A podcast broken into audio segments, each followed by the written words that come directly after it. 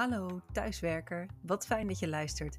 In deze podcast hoor je over hoe we met elkaar in verbinding blijven. Ook op afstand, ook online. Want hoe kunnen teams en organisaties werken aan werkgeluk terwijl we met z'n allen remote en hybride werken?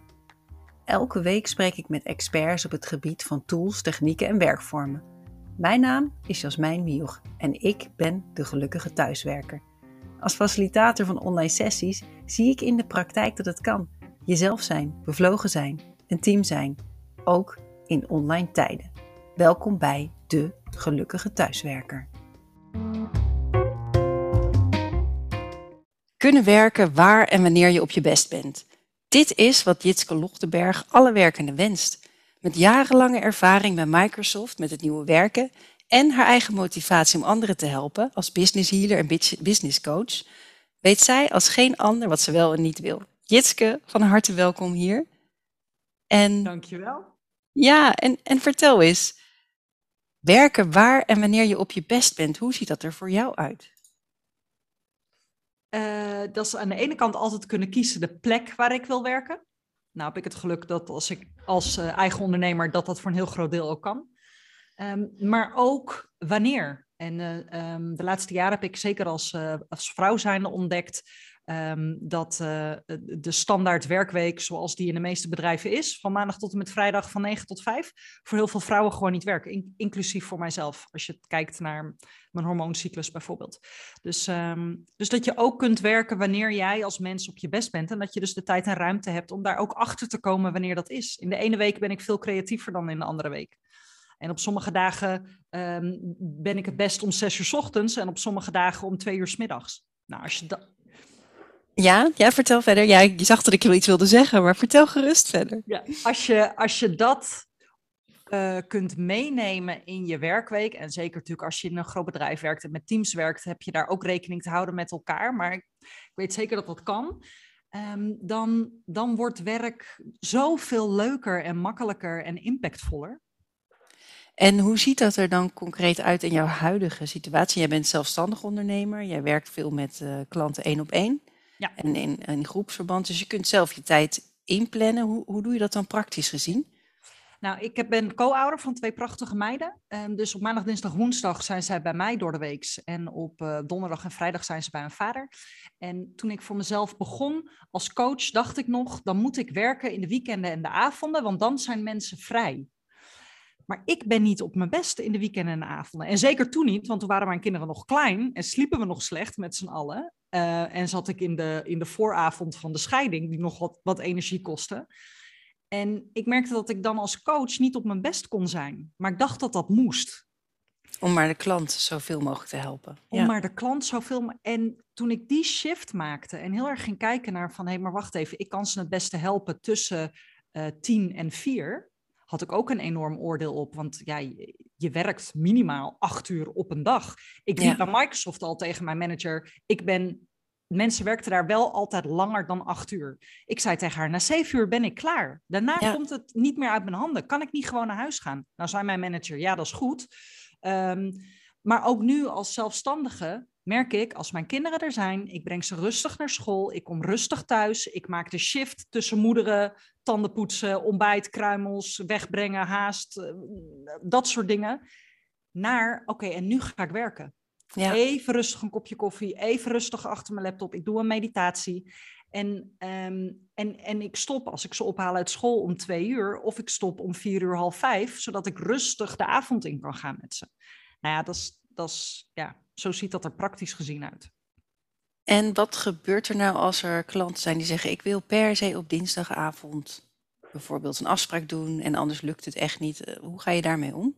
Gebeurt nooit. Nee. Nee. nee, het gebeurt niet. En als ze het vragen, dan zeg ik: Dat doe ik niet. En dan zeggen ze: Oké, wanneer kun je dan wel? En nou, nu hebben we het als zelfstandig ondernemer, dus dan heb je kennelijk die vrijheid en fijn flexibele klanten die met jou mee willen gaan en in jouw flow met jou willen werken. Ja. Stel je nou voor dat je in een organisatie werkt, of zoals jij voorheen bij Microsoft. Je vertelde net al even, ik, ik kan niet acht uur of langer werken, want dan is mijn energie gewoon op. Ja. Jij hebt dat aangekaart bij je leidinggevende. Hoe, hoe werd er toen op gereageerd? Ja, bij Microsoft had ik natuurlijk wel het geluk dat zij met het nieuwe werken heel erg de filosofie hadden uh, plaatsen onafhankelijk kunnen werken. Um, en ik dan ook nog eens een keer de managers trof die dat ook echt deden. Ik bedoel, er waren ook afdelingen en managers die dat toch nog een beetje lastig vonden. Ja, want even voor ons beeld, in welke ja. periode, welk jaar was dat ongeveer? Ik heb van 2009 tot 2015 of 16 bij Microsoft gewerkt. In diensten en daarna uh, als freelancer. Ja, ja, dus echt alweer best wel een flinke tijd geleden. Ja. En in die tijd was Microsoft bezig met het nieuwe werken. Ja, ja. En even voor ons, je zei al plaats en tijd onafhankelijk. Wat zit daar nog meer aan vast, aan dat nieuwe werken van toen? Ja, Um, nou, vanuit Microsoft gezien natuurlijk ook een technologiekant. Hè? Hoe kun je technologie voor je laten werken? Um, dus dat was in, bij hun ging dat over drie aspecten. Technologische kant, hoe kun je het gewoon faciliteren? De, de werkplekkant, dus ook het kantoor had allemaal verschillende ruimtes en plekken waar je kon werken, zodat je niet één vast bureau hebt, maar altijd kon kijken naar van hé, hey, op welke plek kan, kom ik nu het beste tot mijn recht? Um, en het dus eigenlijk al de, de flexplekken of niet? Ja, ja. Die, die ook wel, nou ja, mag ik wel zeggen, gehaat werden in die tijd van de kantoortuin en de flexplekken. Maar die waren er toen al. Ja, zelfs de directeur van Microsoft had in die tijd geen eigen kantoor. De enige mensen die daar een vaste plek hadden was de finance afdeling, want dat had te maken met dingen die achter slot en grendel moeten, geloof ik. Um, en, de, en de hospitality desk, dus de plek waar je naartoe moest als ja. bezoeker of, of als je een ruimte wilde of zoiets. Maar de receptie, ja. ja. ja. En, en hoe, hoe werkte dat dan? Want je zegt van niemand had een eigen plek. Nou ja, je, je, je, je kwam op kantoor. Het was vier of vijf verdiepingen. En je zocht een plek waar jij op dat moment graag wilde werken. En nou zag je wel dat afdelingen een soort van een vloer hadden. Maar het was ook oké als ik van de tweede verdieping, want daar zat dan de marketingafdeling, een keer een dag op de vierde verdieping ging werken. Dan, dan werd, werd je niet weggekeken. En, en was dat daar dan nog een speciale filosofie achter? Of wat was... Achter het plaatsonafhankelijk werken? Ja, of dat jij van de tweede naar de vierde ging? Of... Nou, dat was gewoon meer omdat, uh, kijk, het, het, als je plaatsonafhankelijk werkt um, en je wordt vrijgelaten in welke plek je kiest om te werken, is natuurlijk de angst dat je het contact met je team verliest. Uh, want dat is natuurlijk een heel belangrijk aspect van een bedrijf, dat je ook verbinding maakt met je collega's. Ja. Dus wat je zag is dat uh, de marketingafdeling of de verkoopafdeling of de consultieafdeling wel een vaste verdieping hadden, zodat je elkaar kon zien en elkaar makkelijk kon vinden. Maar als ik gewoon even geen zin had in mijn collega's, of ik moest overleggen met een collega van de accountancyafdeling, dan ging ik net zo makkelijk met mijn laptopje en mijn tasje naar boven en dan, uh, dan schoof ik daar aan. Ja, en dat werd geaccepteerd. Ja, ja, ja, daar werd absoluut niet gek van opgekeken, nee. En als je dan praat over tijd en uh, ja, plaats onafhankelijk, of plaatsonafhankelijk had je het oorspronkelijk over. Eh, was dan thuis ook al heel normaal in die, die tijd, een decennium geleden? Ja, het is al een decennium geleden. Ja, Mijn hemel. uh, ja, eh, mensen werkten daar uh, ook regelmatig vanuit huis. Er waren, uh, ik had collega's die kwamen bijna nooit op kantoor. Dus die hadden, die hadden echt een functie die geen kantoor nodig had, maar bij, bij wie Nederland dan wel hun thuishonk was. Omdat ze in Nederland woonden maar die gerust uh, voor hun werk de wereld rondreisden en dan af en toe een dag op kantoor kwamen. En dus er zaten mensen ook al wereldwijd en internationaal ja. uh, te werken. En ja. jij, Microsoft, we kennen het natuurlijk allemaal van uh, de, de Teams-omgeving, waar heel veel organisaties op dit moment in werken. Was dat op, in die periode ook al voor jullie als, als bedrijf beschikbaar?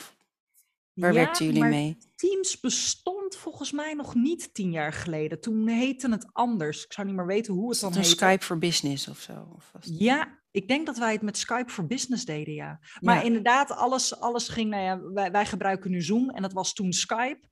Um, uh, we, hadden, we chatten met elkaar. Ik, ik, moet je eerlijk zeggen, ik weet die namen al niet eens meer precies, omdat ik andere, andere dingen gebruik. Ik zie ja, ja. Microsoft-collega's.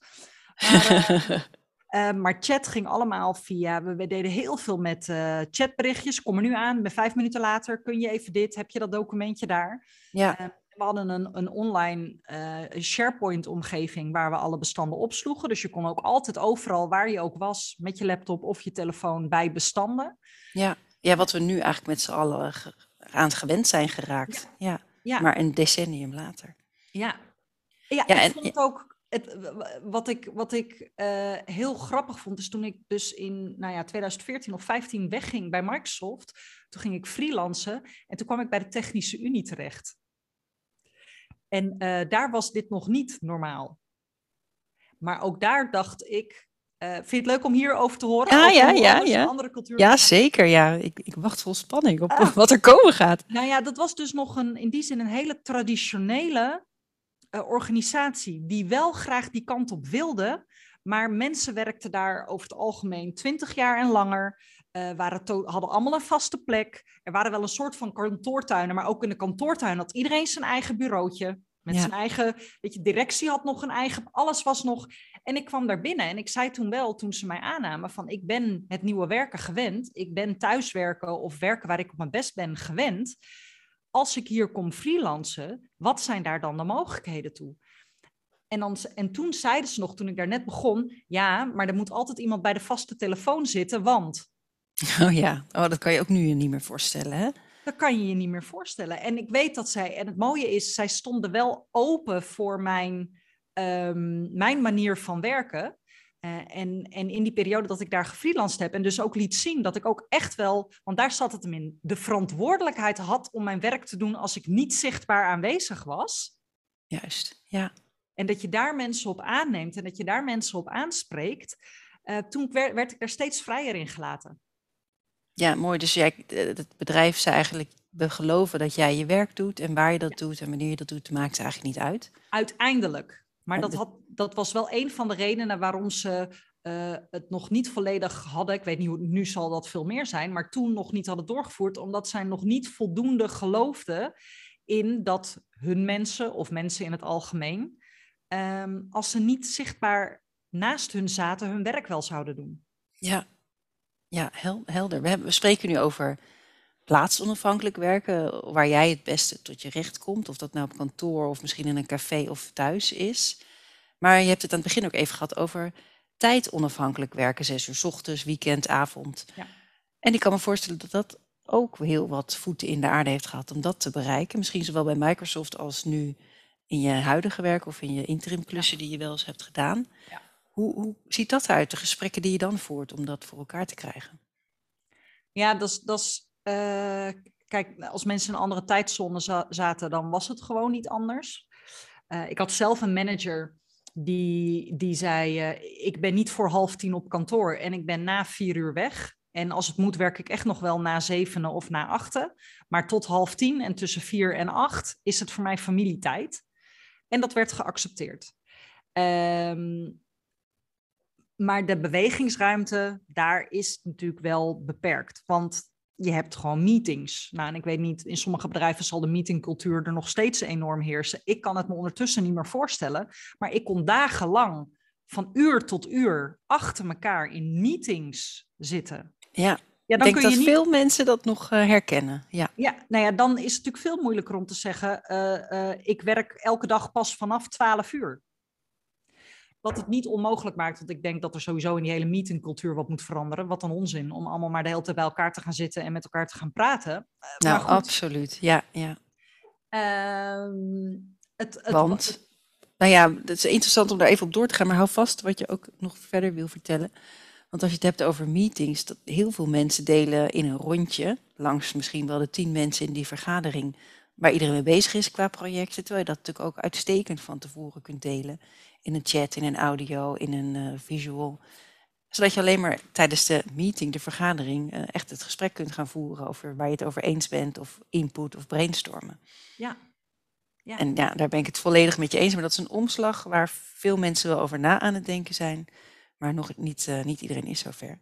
Maar jij wel. En je, je werkt natuurlijk in een andere context nu. Ja. ja, ik heb natuurlijk veel minder teamleden of mensen met wie ik iets samen moet doen. Um, maar ik merk wel dat in de cultuur van de zelfstandigen mensen. Uh, ik weet niet zozeer of het meer hun eigen verantwoordelijkheid nemen is, maar die doen hun deel van het werk. Dus er moet wel afstemming plaatsvinden tussen wie doet wat, maar ik doe mijn werk en ik heb geen zes mensen meer nodig die daar ook een plasje overheen doen. Ik doe mijn werk en dan kan mijn stuk, mijn puzzelstuk naar de copywriter. En de copywriter doet haar stuk. En dan kan het naar de webbouwer en die doet haar stuk. Ja. Dus er hoeft niet zo heel veel overleg plaats te vinden. Iedereen weet wat de taken en de verantwoordelijkheden zijn en je levert gewoon wat je afgesproken hebt. En je spreekt met elkaar over verwachtingsmanagement, over dingen die anders moeten, over, over wat er moet gebeuren of zo. En dan is het ook klaar.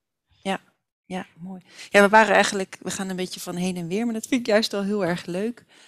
Want we waren bij nou ja, plaatsonafhankelijk hebben we besproken en tijdonafhankelijk. Dus jij zegt op een gegeven moment, ik wil liever om zes uur s ochtends werken deze week, want deze week zit mijn energie daar.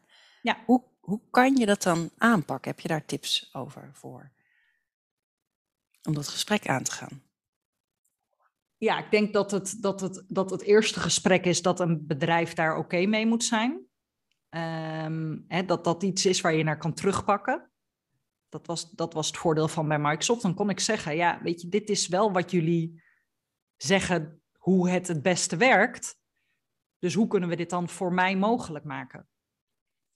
Um, je moet wel stevig in je schoenen staan en nou, weten wat je wil. Het moet in eerste instantie stevig onderdeel zijn van het bedrijf. Bij de Technische Unie had dit niet gekund. Als je samen moet werken met anderen. Kijk, ik denk dat het, dat het begint met het bedrijf moet. Het, het bedrijf bestaat waarschijnlijk uit kenniswerkers. Want in een fabriek of aan de lopende band, of weet je wel, bij dat soort werk, bij een automonteur, nou ja, die misschien nog wel. Maar je kan niet in elke bedrijfstak zeggen: ik werk van 6 tot 9 en, uh, en zoek het maar uit. Want als de school van 9 tot 3 is, kan een docent niet zeggen: ik doe het van 6 tot 9. Ja. Ja. Dus, dus de, maar goed, als het bedrijf het toelaat, dan denk ik dat het begint met dat het bedrijf um, in de basis dit is wat ze willen nastreven. Dat ze mensen zien als assets en dat ze het beste uit de mensen kunnen halen als ze kijken naar hoe die het beste kunnen werken. Ja. Um, nou ja, in, in de introductie zei ik het al. Je wil dat iedereen werkt op het moment dat je op je best bent. En daar gaat dit ook over natuurlijk. Ja. Ja, en, maar je moet je gedragen voelen door de organisatie. Anders moet je inderdaad heel stevig in je schoenen staan. Ja, en, ja. En, en dat geldt niet voor iedereen, want we zijn natuurlijk allemaal gebrainwashed in de 9-to-5 mentality. Ja. Ik bedoel, we denken dat het zo moet. Dus om daar uit te breken, bedoel, dat heb ik ook, het heeft mij jaren gekost als zelfstandig ondernemer om uit die, ik moet vijf dagen in de week van 9 tot 5 werken. Het feit dat discussie in Nederland gaande is over vrouwen bijvoorbeeld, over het wel of niet fulltime werken van vrouwen en financiële onafhankelijkheid dat die aan elkaar gelinkt zijn, vind ik heel raar. Dus we moeten fulltime werken. Anders zijn we geen volwaardig lid van de maatschappij of kunnen we niet financieel onafhankelijk worden. Terwijl als ik mijn geld kan verdienen in 10 uur of in 20 uur, omdat ik dan op mijn best ben en het meeste kan doen en het meeste impact maakt. Hoe cares of ik dan 40 uur in de week werk of 50 of 60, want dan doe je er echt toe. Dus wat jou betreft, als ik het goed begrijp, moet die discussie veel meer gaan over de waarde die je toevoegt aan de maatschappij en de waarde die je voor jezelf, financiële zekerheid die je voor jezelf creëert. Ja, en, en als je het dan hebt over, over de, de, de bedrijven en de organisaties. Je zou eigenlijk niet eens betaald moeten krijgen voor het aantal uur dat je werkt, maar betaald moeten krijgen voor de functie. En als jij dat dan in 60 uur doet of in 15 uur doet, als ik nou, heel... ik, moet, ik moet even denken aan een voorbeeld die ik las in een column in een krant. Ik weet even niet welke krant, maar dat iemand een baantje had uh, in middelbare schooltijd bij een bollepeller. En dat de boer zei, je mag kiezen of je krijgt per kistje 5 euro per kistje, of gulden natuurlijk toen, per kistje betaald. Of je krijgt 5 gulden per uur betaald. En ze mochten zelf kiezen. En de gezellige mensen kozen per uur. En de materialistische mensen, of die snel veel geld wilden verdienen, die kozen voor het kistje.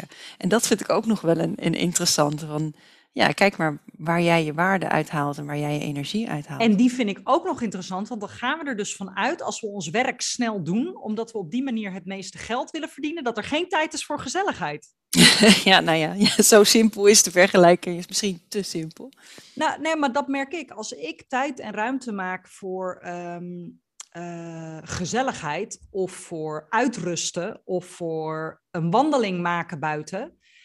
Eh, ik ben nu bezig met een uh, teksten voor een webpagina.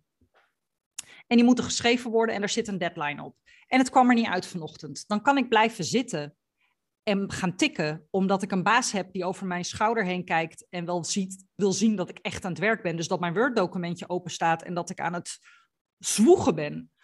Of ik loop naar buiten, ik doe een rondje, ik doe een dutje, ik kijk nog even de laatste aflevering van. Ik kijk op het moment Love is Blind, het meest programma op Netflix. En vervolgens in een half uur ram ik die hele webpagina eruit in tekst. Ja, omdat je dan in je flow bent. Ja, dus als ik betaald zou krijgen voor de webpagina's die ik schrijf. En ik maak ook ruimte voor de gezelligheid, dan gaat het vele malen sneller. Dat zit zo. En de kwaliteit gaat omhoog, natuurlijk. Het zit zo niet in ons systeem. En nou ja, we hebben het over wat, wat gun jij mensen. Jij gunt dat mensen dat ze kunnen werken waar wanneer ze op hun best zijn. En jouw persoonlijke missie is ook vrouwen helpen om financieel zelfstandig te zijn. Ja. Hoe kunnen we nou zorgen dat mensen, vrouwen, mensen, mannen, iedereen het beste uit zichzelf kan halen en dat het niet uitmaakt of je nou zelfstandig bent of ondernemer. Wat, wat zouden wij als maatschappij kunnen doen? En dat is misschien een hele moeilijke vraag hoor. Maar eh, om, daar stappen in te zetten. Ja. Ja, zoals met alles denk ik dat het begint met wat is werkelijk belangrijk? Wat wil je echt? Um, we, als bedrijf wil je iets bereiken. Heb je een bepaalde missie? Wil je een bepaald soort mensen bij je hebben werken? Wil je ook een bepaald soort werkgever zijn? Ik denk dat de meest, in ieder geval de moderne bedrijven van tegenwoordig daarover nadenken. Wat voor soort werkgever wil ik zijn? Nou, in mijn geval gaat het erover hoe wil ik het ondernemerschap combineren met het moederschap en met alle andere dingen die ik wil doen in het leven dat is het uitgangspunt. En dan wil je kijken, hoe bereik je dat? En wat heb je dan van mensen nodig? En wat is dan echt belangrijk? Het is heel erg een stuk controle loslaten op, op de hokjes waarop het bedrijfsleven of waarop het werkleven van tegenwoordig is gebouwd. Dus ik denk dat het daarmee begint. Nou ja, het gaat inderdaad, daar ben ik het helemaal met je eens met die bewustwording. Want als we het hebben, je moet uh, van 9 tot 5, 8 uur per dag werken dat is gebaseerd op drie ploegendiensten van acht uur die in een fabriek kunnen werken. Precies. En dat is niet meer wat we met z'n allen doen tegenwoordig. Althans, niet iedereen en bijna ja, veel minder mensen dan, dan vroeger. Ja. ja. ja. Een interessante gedachte om mee aan de slag te gaan, denk ik. Dat het begint bij die bewustwording. En jij hebt het al voor jezelf gecreëerd. Wat kan jij nou en iedereen die luistert nu denken, ja, dit wil ik ook. Ik wil ook om zes uur s ochtends en ik wil ook wandelen. Ik wil een serie op Netflix kijken en, en dan in mijn flow mijn stukken eruit rammen en mijn, wat ik dan ook doe. Ja. Hoe, hoe kan je daarmee beginnen? Ja, nou, ik denk dat het, waar ik heel praktisch mee begonnen ben, is het gewoon eens bijhouden. Dus ik ben gaan bijhouden als nou um, de hele wereld zou staan te springen als ik mijn ideale ritme te pakken heb. Niemand zou er iets lelijks van vinden. Ik zou er niet op aangesproken worden. Ik zou er helemaal oké mee zijn als dat allemaal goed is. Hoe zou het er dan uitzien? Dus ik ben mijn menstruatiecyclus gaan bijhouden. Ik merkte dat daar echt um, verschillen in zaten in wanneer ik hoog in mijn energie zat en laag in mijn energie. Ik ben ook eens me gaan, gaan verdiepen in de maancyclus, zeker voor vrouwen, volle maan, nieuwe maan en hoe dat werkt. Uh, astrologie, dat is voor mij, ik hou van dat meer spirituele stuk. Maar voor iemand die dat niet heeft, gaat het misschien veel meer over hoe ziet je gezinsleven eruit? Hè, heb je een man die bijvoorbeeld uh, uh, twee weken per maand op het water vaart? En heb jij dan je vijf kinderen thuis en die andere twee weken is hij gewoon thuis? Om maar even een extreem voorbeeld te geven. Ja, mijn, mijn virtual assistant heeft dat. Oh, echt? Oh, het is niet eens een uit de lucht gegrepen. Zo. Nee, nee, nee, nee. nee. Ja. Um, of je hebt een, een man die piloot is en daardoor een onregelmatig schema heb, heeft. Als jij nou op basis van jouw thuissituatie of van jouw leven zoals die nu is, misschien heb je een hond die drie keer, per keer per dag een uur moet wandelen, omdat hij anders de boel kort en klein uh, bijt thuis, weet ik veel wat. Hoe zou het er dan uitzien?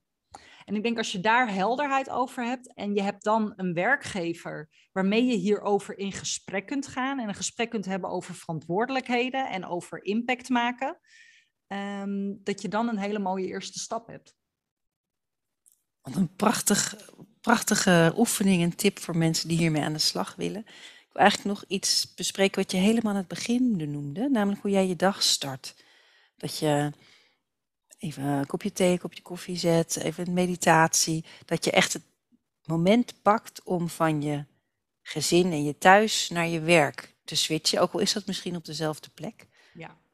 Hoe, hoe pak jij dat ritueel gezien aan? Wat helpt jou om in die werkmodus te komen en er ook weer uit aan het eind van Ja. je werkdag of je werkuur of eh, hoe je het ook Ja, maar ja, ja. in hebt gedeeld die dag? Ja. Ja, mooi. Ja, dat is wel ehm, een hele mooie voor mensen die nu veel meer thuiswerken. Hè? Als je het hebt over echt, ik bedoel, de podcast heet niet voor niets de gelukkige thuiswerker. Ehm, ik ben me heel bewust van de verschillende rollen die ik heb als moeder, als vriendin, als ondernemer, als coach. En ehm, in de red race van het leven gaan we maar door, door, door, door, door. Dus je bent de hele tijd aan het switchen. Alleen we nemen daar helemaal niet de tijd voor. En dat maakt soms dat je eh, de irritaties van een drukke ochtend met kinderen meeneemt je werk in. Dat is natuurlijk niet wat je wil. Dus wat ik doe, ik zet ze af, kom met de auto thuis. Wat ik vaak doe, is ik loop naar mijn werk. Dus ik maak een ommetje. Ik doe even een blokje om, om de reistijd naar werk te hebben. Ehm, dan Zowel mentaal als fysiek, lijkt me. Ja. ja. Ja, dan heb ik en mijn frisse lucht en ik heb, nou, als de zon al schijnt, mijn zonlicht. Ehm, ik kan even, wat ik dan tijdens het wandelen vaak probeer, is geluiden spotten. Dus ik kijk hoeveel vogels ik hoor. Ik zet mijn zintuigen aan. Dus ik probeer te ruiken. Hè. Nu, nu komt de bloesem, of ik de bloesem ruik. Ehm, omdat je daarmee heel erg in het nu terechtkomt. En vanuit het nu, in het nu zit de inspiratie. Ja, kan je dat toelichten vanuit het nu? Ik vind het een hele mooie quote, maar ik heb Ja. hem nog niet helemaal. Vanuit het nu Eh, zit de inspiratie.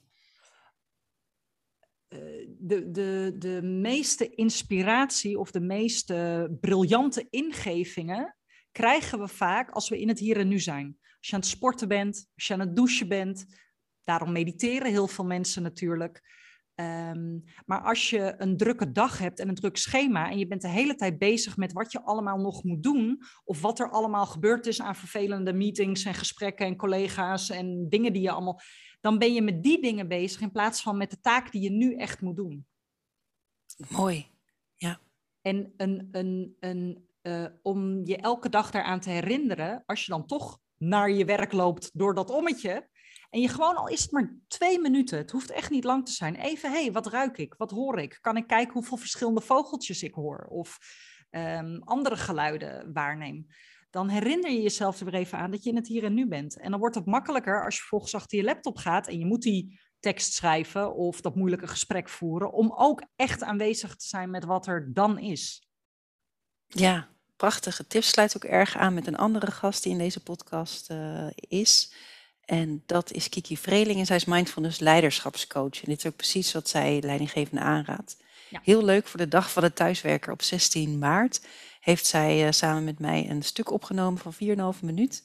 En dat is een mindful moment en eh, die is ook te beluisteren in deze podcast. Dus iedereen die denkt, ik ben geïnspireerd door het verhaal van Jitske. Ik wil mijn mindful moment hebben. Maar bijvoorbeeld geen tijd om even naar buiten te gaan. Pak die podcastaflevering erbij, 4,5 minuut maar. En kom even in het nu. Ja, Heel ja. mooi. De, En eh, wat ik, is- wat ik doe aan het einde van de dag, is dat, of wilde jij nog... eh, ja, nee, nee, nee, vertel. Ja. Dus aan het begin van de dag is het ro- rondje wandelen, werkplek klaarzetten. En koffie of thee, kaarsje aan, weet je, zo gaan zitten. Aan het einde van de dag ruim ik mijn werkplek dus ook op. Want ik werk letterlijk aan de keukentafel. En als je thuis werkt, is het al veel moeilijker om privé en zakelijk echt te scheiden. Dus ik haal alles weg. Het gaat in de kast. En bij voorkeur, kan het niet altijd, pak ik ook even weer een moment om de switch te maken naar de rol die ik daarna heb. Eh, of moeder of niet moeder, omdat mijn kinderen bij een vader zijn. Ehm, anders blijf, als, ik, als de kinderen er namelijk niet zijn, blijf ik anders gewoon werken. Als ik niet echt afschakel. Of als de kinderen, ik de kinderen ophaal, zit ik nog steeds de hele tijd in mijn telefoon. Dus ik doe Ja. echt even mijn ogen dicht. Wat ik doe is altijd een, eh, een hele korte meditatie waarbij ik mijn ogen dicht doe. En me voorstel dat er een, eh, een, een cirkel energie om mij heen gaat. Een spiraal, is dat misschien het goede woord? En dan zie ik hoe de werkenergie uit me glijdt kan je gewoon visualiseren hoe het uit me glijdt de grond in. En dan zeg ik release, release, release. Eén minuut dit doen. Je, je forst je ogen dicht doen en je visualiseren dat alle, alles wat met werk te maken heeft uit je systeem wegglijdt of weet ik veel, verdwijnt. Oh, ja. Met het woord release, release, release. En daarna denken, oké, wacht even. Nu ben ik moeder en wil ik aanwezig zijn met mijn kinderen en plezier hebben. Alles wat met werk te maken heeft dat oppopt, mag straks. Oh, Even dit vind die ik echt, intentie. Uh, dit vind ik een hele goede tip. Dat ga ik echt zeker gebruiken, omdat ik merk dat zeker als ik bijvoorbeeld een podcast heb gepost, dan ben ik ontzettend nieuwsgierig wat de reacties zijn en hoeveel mensen al hebben geluisterd. En dan ga ik de hele tijd zo in die app kijken naar de statistics en dat stoort me heel erg in mijn privéleven. En ik doe het toch. En ik ga deze tip gewoon toepassen om ja. dat los te laten. Want je kan ook over twee dagen weer even kijken. Dat hoeft helemaal niet drie keer per dag. Ja, ja. Ontzettend mooi. Ja. en hij is ook heel mooi als je in de auto zit en je hebt een uh, we hebben allemaal wel eens van die werkdagen dat je eigenlijk in de auto nog aan het bellen bent en, en dingen aan het doen bent. En dan ben je al te laat en dan ren je met je tas de voordeur in en dan het gezinsleven in, weet je wel. Mama, mama, mama. Ja, ik, voor alle luisteraars, ik, ik werk met uh, vrouwen die kinderen hebben. Dus mijn voorbeelden hebben ook veel kinderen in zich. Maar goed, voor hetzelfde geldt dus een hond of je man die van alles van je um, Uh, en voor de mannelijke luisteraars een partner, want we zijn natuurlijk wel een beetje woke en inclusief, ja? Precies, ja, ja ik ben helemaal, ik ben dus totaal niet inclusief, ik heb gewoon vrouwen. Maar voor een man Het is je vergeven hoor. Dat je thuis komt en dat je, dat, je weer, dat je je vrouw weer aan je jasje hebt trekken. Ben je er eindelijk? Nou, anyway. Um, ook dan in de auto even dat moment pakken. En, en nogmaals, het hoeft echt maar één of twee minuten te zijn, waarin je je ogen dicht doet, een paar keer heel diep in en uitademt en tegen jezelf zegt: Het is nu klaar. Het mag nu even apart. Nu tijd voor mijn gezin of tijd voor anderen en straks pak ik het weer op. Jitske, dit lijkt me een fantastische zin om mee af te sluiten. Dankjewel voor je komst, voor het inspirerende verhaal van het nieuwe werken naar het werken in het nu. Misschien moeten we ook gewoon een nieuwe term gaan verzinnen over plaats en tijd onafhankelijk werken en de keuze voor jezelf en die keuze voor je verschillende rollen denk dat dat wel een mooie les is die we hieruit kunnen leren. Jitke Lochtenberg, nogmaals heel erg dank voor je komst. En wat zeggen we ook op het eind? Release, release. Release, release. Nou, bedankt dat ik hier aanwezig mocht zijn. Hartstikke leuk.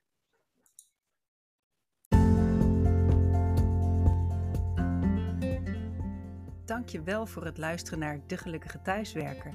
Heb jij zelf tools en tips die iedereen moet kennen? Laat het me weten. Of heb je een prachtig praktijkvoorbeeld? Bel me dan gerust. Vond je deze podcast de moeite van het luisteren waard? Laat dan een review achter en deel de podcast in je netwerk of op social media. Veel geluk iedereen!